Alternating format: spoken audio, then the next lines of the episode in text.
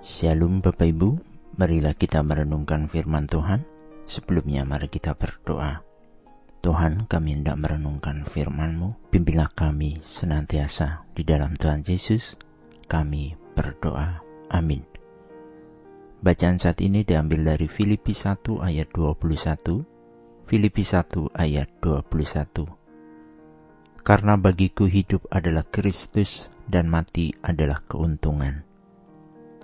Sebagai orang percaya, kita pasti meyakini bahwa Allah memiliki maksud untuk kehidupan setiap hambanya. Allah memilih kita untuk diselamatkan. Ini yang dikatakan sebagai anugerah dari Tuhan. Karena Tuhan memilih kita, tentunya Tuhan telah merancangkan kehidupan bagi setiap kita yang percaya kepadanya. Ketika kehidupan kita sudah di dalam rancangan Tuhan, tentunya kitalah tidak perlu memiliki kekhawatiran. Seperti juga bacaan saat ini, karena bagiku hidup adalah Kristus dan mati adalah keuntungan. Pengenalan yang benar kepada Tuhan akan membawa kehidupan kita kepada prioritas utama, yaitu Kristus, sehingga ketika ada kesulitan apa pun yang kita hadapi, akan mampu membuat kita tetap hidup dan memiliki sukacita di dalam pengharapan akan Kristus.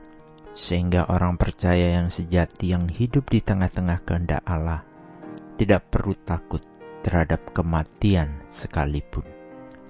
Tindakan nyata kita sebagai orang percaya yang sejati yang hidup di dunia ini adalah ketika hidupnya bekerja memberi buah. Seperti dalam Filipi 1 ayat 22a tetapi jika aku harus hidup di dunia ini, berarti hidup, bekerja, memberi buah. Kematian tidak lagi menjadi ketakutan ketika kita menyadari dan tahu ke mana kita akan pergi ketika kematian itu menjemput kita. Karena kehidupan kita adalah kehidupan di dalam kasih dan pemeliharaan Tuhan, serta apa yang menjadikan tindakan kita adalah tindakan yang memberi buah.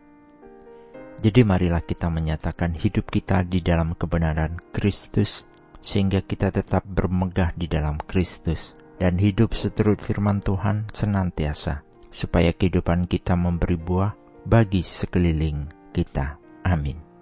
Mari kita berdoa. Bapa Surgawi, sungguh kami bersyukur atas anugerah Tuhan bagi kehidupan kami. Ajari kami untuk hidup di dalam Kristus, sehingga kami ada di dalam pemeliharaan Tuhan senantiasa. Terpujilah Engkau Tuhan, di dalam Tuhan Yesus kami berdoa. Amin. Tuhan Yesus memberkati. Shalom.